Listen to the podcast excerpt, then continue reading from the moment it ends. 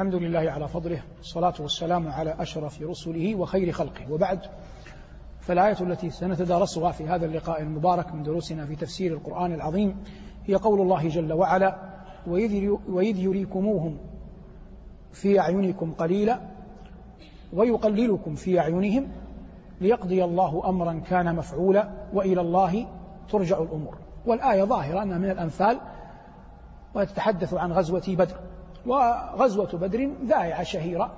لا تحتاج إلى تفصيل خطاب لكن كما قلت منهجنا في التفسير حل الإشكالات والاستطراد المعرفي والتاريخ. من وقعة بدر أول ما يستنبطه المؤمن حقيقة أن الملك لله وأن الله جل وعلا قد يغيب الشيء عن بعض خلقه وهو بين عينيه. فإنه قبل أن تقع المعركة رأت عاتكة وهي أخت العباس عمة النبي صلى الله عليه وسلم. رأت في منامها أن رجلا يأتي وفي دابته ما فيها من خلاف المعهود وأنه ينادي في أهل مكة يا لغدر قوموا إلى مصارعكم. بعد ثلاث. وقالها ها هنا وها هنا في الرؤيا في أماكن تعرفها من مكة. ثم رأت صخرة من الجبل جبل أبي قبيس تنزل ثم تتفرق على كل بيت من بيوت مكة. ولا يبقى بيت إلا ودخلها منه شيء. فأفضعتها أفجعتها الرؤيا فبعثت إلى أخيها العباس بن عبد المطلب فأخبرته الرؤيا. فقال لها والله إنها رؤيا يعني ليست أضغاث لكن اكتميها. فكتمتها. قدر الله. كان الوليد بن عتبة صديقا مقربا للعباس فقص العباس عليه رؤيا أخته. فقصها الوليد على غيره. وثق تماما أن لكل حبيب محب. فأنت قد يكون هذا قريب منك صديق لك لكن هو له أحباب. فأنت لو أعطيته خبرك سرك على أنه صديقك وقريبك هو له أصدقاء سيقول لهم بمقتضى ما أنت قلت له. وقد قيل وكل سر جاوز الاثنين شاع وكل علم ليس في القرطاس ضاع أما الثانية لا نقبلها. الله يقول بل هو آيات بينات في صدور الذين أوتوا العلم ليس في القراطيس. نعود فنقول فقصها العباس على الوليد فقصها الوليد على غيره شاع الأمر في مكة. لما شاع الأمر في مكة خرج العباس يطوف بالبيت وكانوا يطوفون حتى قبل الإسلام. فقال أبو جهل يا أبا الفضل هذه كنية العباس إذا فرغت من طوافك ائتنا. قال فلما أتيته أخبرني بالرؤيا فأنكرها العباس ولم يجد بدا من أن ينكرها. فقال أبو جهل يا بني عبد المطلب أما يكفيكم أن يتنبأ رجالكم الآن يلمس حتى تتنبأ نساؤكم؟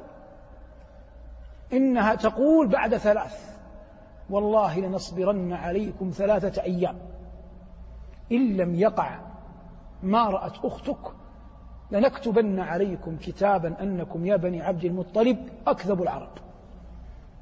فرجع العباس دون أن يرد على أبي جهل. لما رجع ما بقيت امرأة من بني عبد المطلب إلا وجعته تلومه على ضعفه وعلى عجزه وأنه لم يرد على أبي جهل. فغضب ووعدهم أنه سيرد عليه. مضت ثلاثة أيام دخل العباس المسجد طاف بالبيت وتوجه إلى أبي جهل وكان أبو جهل خفيف. يعني لا يحمل لحما. حاد النظر حاد الوجه. وأبو جهل دخل دار الندوة. من اعتداد قريش به وشاربه لم يطر. فيقول أقبلت عليه أريد أن أفتح معه الأمر حتى ينتقم لنساء بني عبد المطلب.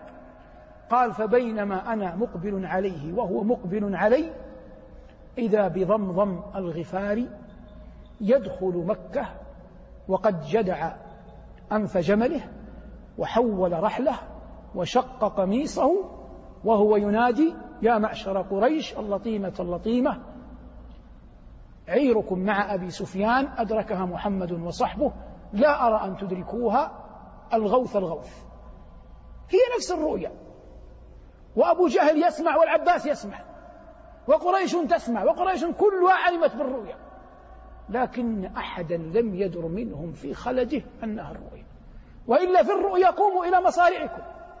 حتى تعلم أن الله إذا أراد شيئا أمضاه. بل إنه جل وعلا يسل عقل العاقل كالشعرة. ثم يمضي أمر الله ثم يرد له عقله فيقول بعد وقوع الأمر أين كان؟ أين كان عقلي؟ ولا ينجي حذر من من قدر لكن ذلك لا يمنع الأخذ بالأسباب. يقول لما نادى انتهى الحديث ما بيني وبينه. فبدأت قريش تخرج إلى إلى بدر. هذا توطئة. نحن في الآية. الله يقول لنبيه وإذ يريكموهم الله في أعينكم قليلا. ويقللكم في أعينهم. قلنا قبل دروس مضت أن القرآن من الخطأ أن تفهمه من آية. الله يقول في سورة آل عمران قد كان لكم آية في فئتين التقتا. فئة تقاتل في سبيل الله وأخرى كافرة. قال بعدها ماذا؟ يرونهم مثليهم رأي العين. وهذا يخالف قول الله هنا ويقللكم في أعينهم. والجمع بينهما. لما التقى الفريقان أصبح القرشيون يرون المسلمين قليلا جدا. حتى قال أبو جهل إنما هم أكلة جزور. خذوهم أخذا واربطوهم بالحبال. والصحابة يرون القرشيين قليلين. حتى كان ابن مسعود يقول لمن بجواره أتراهم سبعين؟ قال أظنهم مئة. وهذا قدر الله.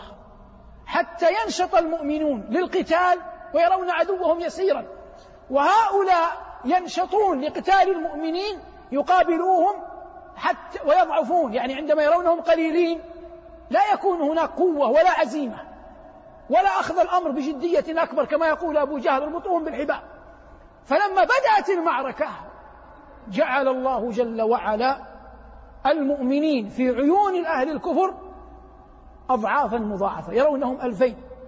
لأن القرشيين كانوا ألفا والله يقول يرونهم مثليهم رأي العين. فيرونهم ألفين فهذا ثبط العزائم. لأنهم دخلوا المعركة أتوا إلى الأرض على أنهم عدد قليل. لكن لما نزلوا في الساحة وجدوا الأمر أضعافا مضاعفة وهذا يجعل القلب يثبط. في حين أن الكفار في أعين المؤمنين كما كما هم. إنما أهل الكفر يرون المؤمنين مثليهم رأي العين. أما المؤمنون فيرون الكفار على أنهم على أنهم قلة. وهذا من نصرة الله لنبيه صلوات الله وسلامه عليه. في الآية التي قبلها قال الله جل وعلا ولو توعدتم لاختلفتم في الميعاد ولكن ليقضي الله أمرا كان مفعولا. وهنا قال ويقللكم في أعينهم ليقضي الله أمرا كان مفعولا. قال بعض المفسرين هذا تأكيد وليست من التأكيد في أي باب ليست من التأكيد في أي باب. إنما المعنى قول الله جل وعلا في الأول ولو تواعدتم لاختلفتم في الميعاد ولكن ليقضي الله امرا كان مفعولا. الأمر المفعول هنا هو قضية حصول اللقاء. الأمر المفعول المراد حصوله قضاؤه هو حصول حصول اللقاء. أما في الآية الثانية ليقضي الله امرا كان مفعولا ليس المقصود حصول اللقاء. هذا وقع في الأول. إنما المقصود نصرة نصرة المسلمين وإعزاز الدين. أي قللناكم في أعينهم وجعلناكم قليل وجعلناهم قليلين في أعينكم حتى يلتحم الجيشان ويكون مراد الله جل وعلا من نصرة نبيه صلى الله عليه وسلم وكان هذا في بدر في السابع عشر من شهر رمضان. قال الله جل وعلا وما أنزلنا على عبدنا يوم الفرقان يوم التقى الجمعان ذهب بعض أهل العلم إلى أن ليلة القدر هي ليلة السابع عشر من رمضان واحتجوا بهذه الآية وهذا يروى عن اثنين من الصحابة. لأن الله جل وعلا قال وما أنزلنا على عبدنا يوم الفرقان يوم التقى الجمعان. يتحدث عن القرآن. وإن كان الرأي مرجوحا لكن لا يمنع أن المؤمن يأخذ به بمعنى أنه ينشط تلك الليلة لأن ليلة القدر مخفية. لكن جمهور العلماء على أنها في العشر الأواخر وعلى أنها في الأوتار دون الشفع وقد تكون في الشفع. لكن لا أحد يستطيع أن يقطع لأن مسألة أمرها لأن أمرها أمر غيبي.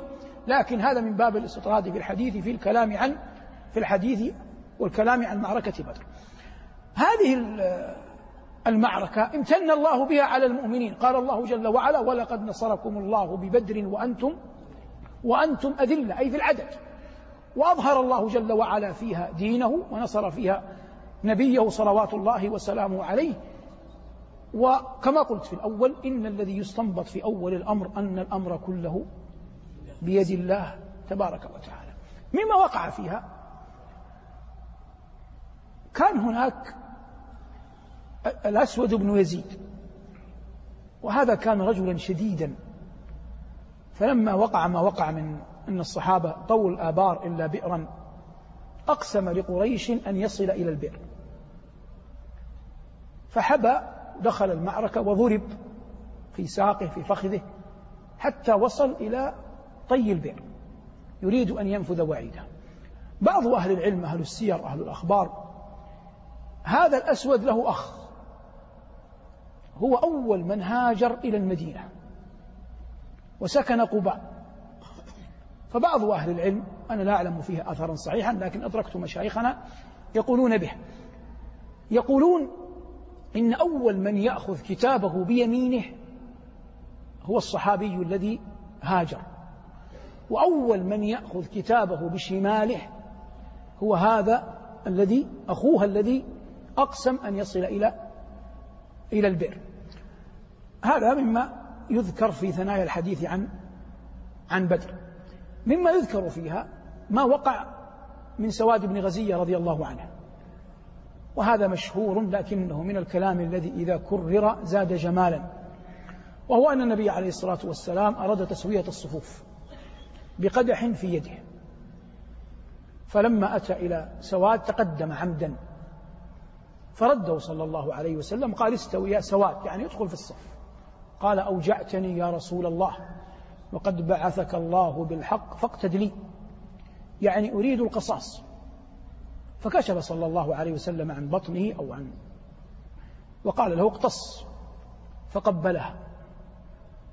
فقال ما حملك على هذا يا سواد؟ قال يا رسول الله قد حضر ما ترى. يعني هذا مظنة موت مظنة فراق. قد حضر ما ترى ورغبت أن يكون آخر العهد بالدنيا أن يمس جلدي جلدك وهذا بعض مما أورثه الله قلوب أصحابه. محبة رسوله صلى الله عليه وسلم. وقد أحسن من قال يا ليتني كنت فردا من صحابته أو خادما عنده من أصغر الخدم صلوات الله وسلامه عليه. مما وقع في يوم بدر أن العباس بن عبد المطلب الآن العباس هو الذي قص على الناس الرؤيا خرج. فلما خرج أسر.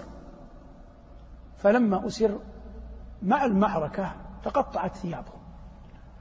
فأراد النبي صلى الله عليه وسلم أن يلبس عمه ثوبا. وكان العباس طوالا عظيما في هيئته. فلم يجدوا أحدا يكافئه في خلقه البدني إلا عبد الله بن أبي فأعطاه عبد الله بن أبي ثوبه فكسي العباس بثوب من؟ بثوب عبد الله بن أبي رأس المنافقين فلما مات عبد الله بن أبي بعدها بسنين وجاء ابنه يطلب من الرسول عليه السلام أن يصلي عليه كفنه صلى الله عليه وسلم في ماذا؟ في قميصه وفاء ومكافأة له لما؟ لأن الحر لا يقبل أن يسدي إليه أحد معروفا ولا ولا يرده فكيف بسيدهم وسيد الخلق صلوات الله وسلامه عليه إن المرء يا أخي لو طعم معك طعمة يوم واحد. أكلت معه هذا يفرض عليك من الذمم معه ما لا يفرضه معك غيره. المتنبي يقول يعاتب سيف الدولة لما تخلى عنه وغلبه حساده وضرب المتنبي يقال بدوات حبر والسيف الدولة لم يتغير. قال إن كان سركم إن كان سركم ما قال حاسدنا فما لجرح إذا أرضاكم ألم إلى أن قال. وبيننا لو رعيتم ذاك معرفة إن المعارف في أهل النهى ذمم. إن المعارف في أهل النهى ذمم. يعني المعرفة الجوار. والله ولو في مقعد الطائرة. هذا يفرض ذمة إذا قابلته بعد حين. فالأحرار لا يمكن أن يتركوها. لا بد أن يكافئوا. قال الشافعي رحمه الله. وقد أوتي الحكمة كثيرا قال الحر من راعى وداد لحظة. الحر من راعى وداد لحظة لكن ليس مقبول. دينا ولا دنيا. أن تكون زميلا صاحبا صديقا لرجل ما في العمل. ثم تفرق بينكم الأيام تذهب أنت إلى موضع وهو إلى موضع وكلما ذكرته ذكرته بسوء. أو إذا التقيت به في مكان ما لقيته وكأنك لا لا تعرفه. إن الكرام وإن تغير ودهم إن الكرام وإن تغير ودهم ستروا القبيح وأظهروا وأظهروا الإحسان. إن الكرام وإن تغير ودهم ستروا القبيح وأظهروا الإحسان. ويزداد حق أحد صاحبك في وقت لا يعرفك الناس فيه أو صاحبك وأنت قليل المال. ثم من الله عليك بعلو في علم أو بجاه أو بمال فإن أحق الناس بأن تحسن إليه من كان يصحبك في الزمان الأول. قالت العرب إن الكرام إذا ما أيسروا ذكروا إن الكرام إذا ما أيسروا ذكروا من كان يألفهم في المنزل الخشن. إن الكرام إذا ما أيسروا ذكروا من كان يألفهم في المنزل الخشن. كل ما قاله العرب مستسقى من مشكاة النبوة من صنيع رسول الله صلى الله عليه وسلم.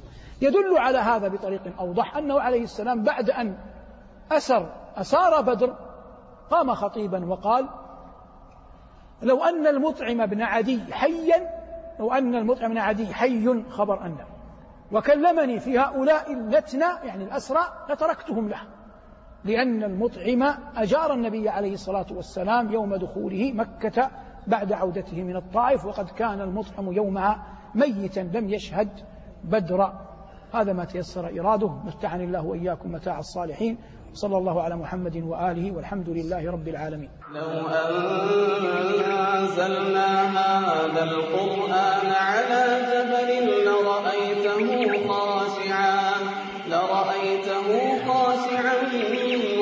متصدعا من خشية الله. وتلك الأمثال نضربها للناس لعلهم